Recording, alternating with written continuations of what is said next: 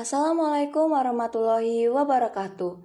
Welcome back to Abi bersama saya Putri Amalia di segmen terbaru kami yaitu Pernis, percakapan seputar bisnis episode 1 dengan judul Gonjang-ganjing Dunia Startup di Indonesia.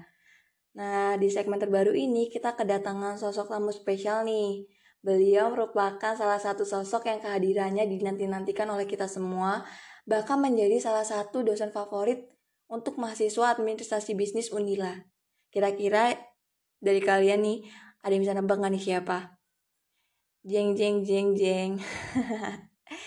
ya selamat yang udah bisa jawab benar karena kali ini kita kedatangan Bapak Prasetya Nugraha yang akan menemani kita semua di podcast kali ini. Halo Pak Pras, apa kabarnya Pak? Halo Putri, sehat, Alhamdulillah. Oh ini oh, iya. dibesar-besarkan ini. oh iya, mungkin karena podcast ini bakal didengarin sama calon mahasiswa administrasi bisnis, bisa dong Pak untuk mm. saya sama adik-adik sama Mbak Abinila nih Pak.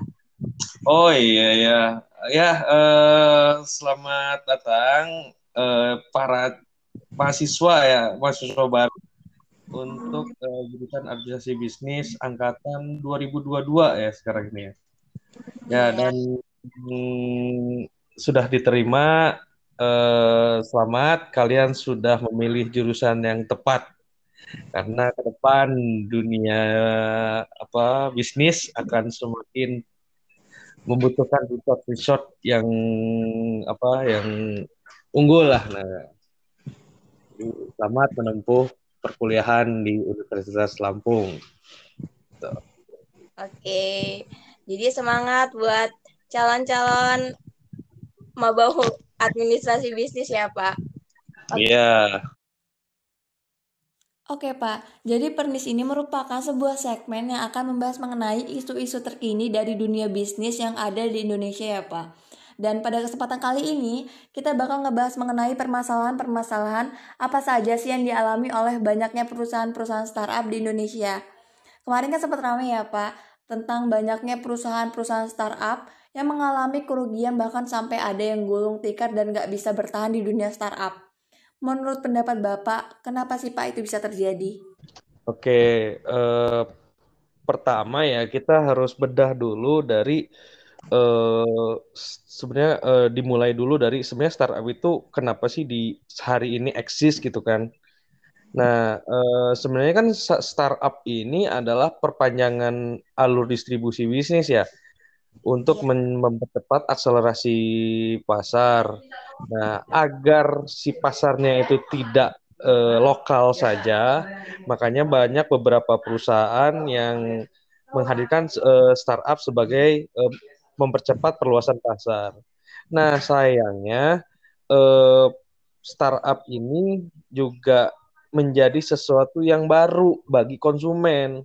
Jadi satu sisi si perusahaan ini bikin startup untuk mempercepat pangsa pasar, tapi satu sisi juga si konsumen eh, tidak terlalu apa ya, tidak terlalu atraktif dalam mencari tahu aplikasi-aplikasi atau perusahaan-perusahaan startup ini. Nah, itulah yang pada akhirnya membuat eh, apa startup-startup ini pada akhirnya tidak mampu mendeskripsikan kebutuhannya konsumen. Makanya banyak yang gulung tikar. Mungkin uh, sepertinya kayak gini aja. Uh, kita uh, dalam satu hari berapa banyak sih kita pakai banyak aplikasi? Mungkin hampir setengah hari kali ya, Pak. 12 jam. Uh, tapi kan uh, apa maksudnya berapa jumlah aplikasi yang kita pakai dalam satu hari? Kalau itu mungkin bisa lima atau lebih kali sih pak kalau aku sendiri. Nah sekarang anggaplah kita sebagai apa sebagai konsumen ya maksimal deh 10 aplikasi yang kita gunakan setiap hari gitu kan. Nah, sedangkan ada berapa sih startup yang ada di apa yang ada di Indonesia itu banyak. Mereka berebut untuk masuk ke 10 aplikasi yang banyak digunakan oleh konsumen.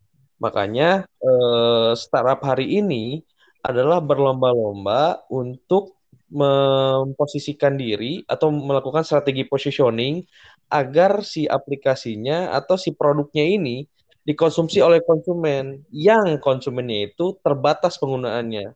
Makanya eh, apa kalau kata bahasa pasarnya tuh bakar uang bakar uang itu ya. Iya, Pak. kan agar mendapatkan perhatian si konsumen tuh. Oh, ternyata mereka ini ada. Oh, saya mau pakai. Tapi mau berapa lama mau bakar uang terus gitu kan. Itulah yang tidak diantisipasi oleh uh, beberapa perusahaan startup bahwa ada keterbatasan konsumen dalam mengakses uh, produk-produk startup gitu. Karena ya tetap tadi itu pada akhirnya yang punya modal promosi yang paling besar itulah yang uh, akan bertahan lama di dunia startup ini. Gitu. Mungkin itu dulu, Put. Terus oh, gimana iya. nih? Oh iya, kemarin tuh saya juga sempat baca nih Pak, artikel yang isinya ngebahas tentang penyebab dari banyaknya startup di Indonesia yang gagal yaitu ada salah satu poin penting yang menurut saya menarik yaitu istilah baku hantam antar startup. Itu sebenarnya apa yang terjadi Pak? Mungkin bisa Bapak jelasin lebih rinci? Oh iya. Ya iya, tadi baku hantam itu artinya kan saling uh, memperebutkan uh, konsumen yang memiliki keterbatasan uh, apa akses untuk mengkonsumsi produk itu ya. Uh, baku hantam di sini dalam artian uh, ketika yang satu promosi, yang satu harus promosi lagi.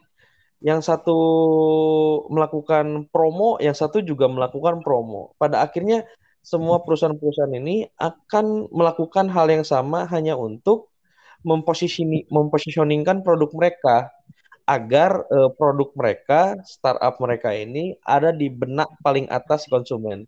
Nah itu sebenarnya ilmu bisnis, nggak nggak di startup doang, di apa di perusahaan-perusahaan yang konvensional juga memang sudah melakukan itu.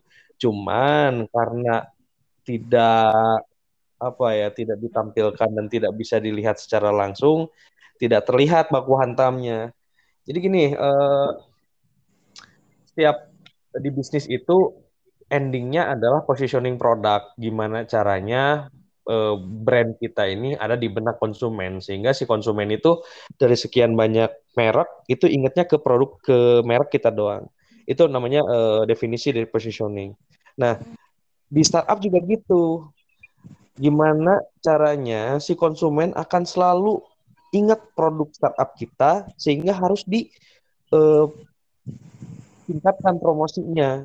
Nah, semua orang pakai strategi yang sama, makanya terlihat atau didefinisikan sebagai baku hantam. Ya sebenarnya nggak uh, startup doang, itu di dunia itu juga. Tapi jadi uh, intinya kalau definisi dari baku hantam itu adalah berebut mempositioningkan produk di benak konsumen intinya gitu. Uh, mungkin sama aja kayak peningkatan branding gitu nggak sih Pak memperkuat branding? Hampir oh, iya. sama ya?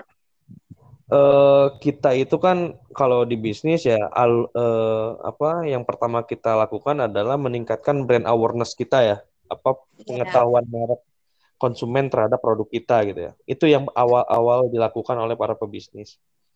Nah, eh, dengan adanya dengan melakukan positioning artinya kita berusaha memperluas eh, brand positioning kita. Jadi memperluas banyak eh, apa menggait seluas-luasnya konsumen untuk mengetahui keberadaan produk kita itu uh, apa uh, apa kata Putri tadi perpanjangan dari uh, apa tadi kata Putri? Apa meningkatkan branding, memperkuat ya, branding.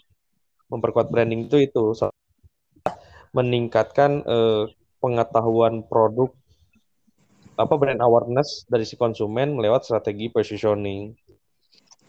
Gitu. Uh, oh iya nih Pak, untuk penutup kita kan sebagai mahasiswa bisnis Pak, udah pastilah pengen kerja di startup atau malah jadi pengusaha atau pendiri dari startup tersebut. Apa hmm. yang harus kita lakukan Pak selagi masih aktif sebagai mahasiswa? Apakah dengan ikut magang? Kan juga sekarang ada program program dari pemerintah yaitu MBKM di mana kita bisa magang di sebuah perusahaan nilainya bisa dikonversi ke SKS. Itu menurut Bapak pribadi itu efektif atau tidak Pak? Atau malah ada cara lain untuk memaksimalkan hal tersebut mahasiswa selain dengan ikut program tersebut? Oke, uh, pertama gini ya, uh, bisnis itu uh, memang ada yang ada orang-orang yang melakukan bisnis tanpa sekolah di apa namanya lembaga pendidikan bisnis lah atau kayak bisnis. Iya. Nah, halo, jelas Put? Iya Pak, jelas. Maaf ya. Enggak apa-apa Pak. Oke, jadi uh, gini, uh, bisnis itu uh, bisa tidak dipelajari, tapi bisnis yang sustainable berkelanjutan adalah bisnis yang diperoleh dari dari proses pendidikan, yaitu di di apa di, kita masuk ke lembaga pendidikan itu. Nah, eh, pertanyaannya, eh, bagaimana cara kita eh, meningkatkan minat kita untuk jadi wirausaha? Pertanyaannya itu. Iya. Nah, di apa yang tidak di didapatkan orang-orang ketika ingin melakukan bisnis adalah kemampuan untuk menganalisis kebutuhan pasar. Nah, ya. jadi eh, siapa yang mampu untuk menganalisis kebutuhan pasar, dia bisa melakukan eh, bisnis yang berkelanjutan atau sustainable. Karena tadi itu ya, eh, ini sebelum ke MBKM nih.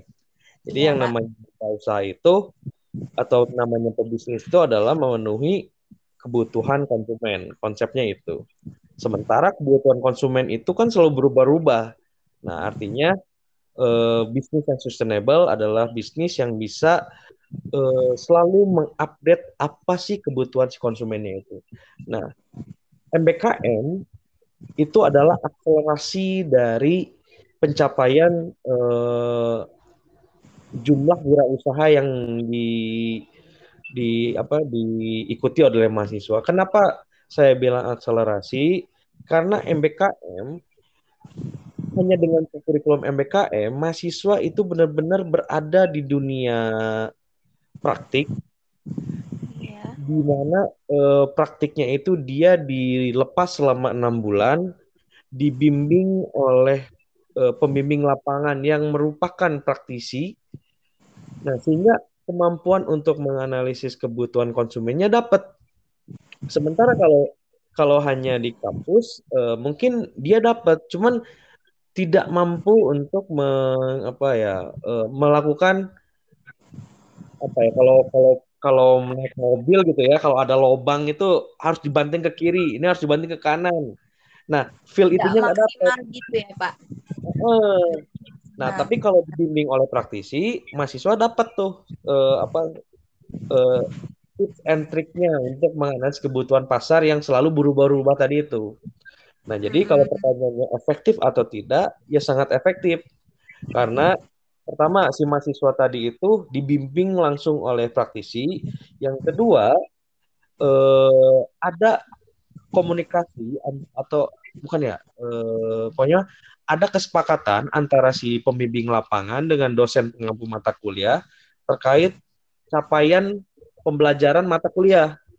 Contoh, saya mata kuliahnya pemasaran. Terus ada Putri misalkan, Putri ikut program MBKM. Lalu Putri mendaftarkan mata kuliah pemasaran saya untuk nanti dikonversi. Nah, saya akan kasih ke Putri eh, apa, capaian pembelajaran mata kuliah pemasaran. Yang Putri itu harus store ke DPL-nya, sehingga si DPL itu tahu, oh Putri ini ditugaskan oleh Pak Pras uh, di mata kuliah pemasaran ini Putri harus bisa A, B, C, D, E.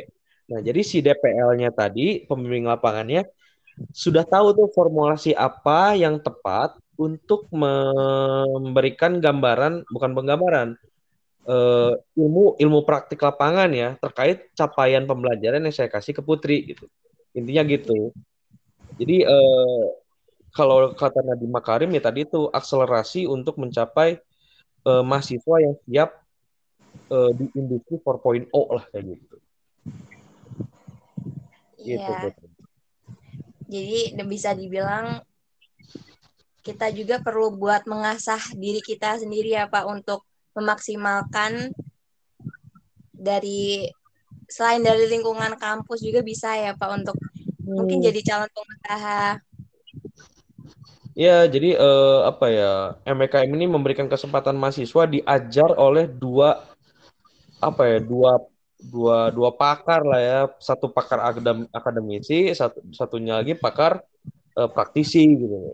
Nah, jadi lebih matang ilmunya dibandingkan hanya mendapatkan satu eh, apa satu instruktur aja gitu. Oke ini Pak, mungkin sekian untuk pertanyaan dari kami. Semoga bermanfaat juga buat teman-teman yang mendengar, apalagi khususnya kakak-kakak yang mungkin lagi mencari program magang dan bisa membantu untuk menambah wawasan. Terima kasih banyak ya Pak untuk Pak Pras yang udah mau menyempatkan ya. waktunya. Ya, sama-sama Putri.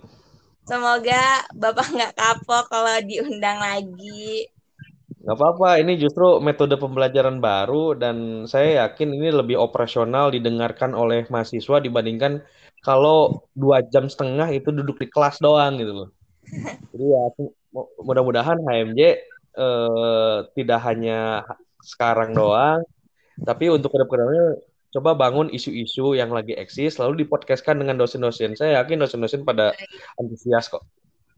Uh, semoga saja nanti biar kita diskusikan lagi ya Pak sama kakak-kakak pembinanya. Oke. Okay. Oke Pak, saya akhiri. Wassalamualaikum warahmatullahi wabarakatuh. Sampai ketemu di episode selanjutnya. Terima kasih banyak Pak Pras.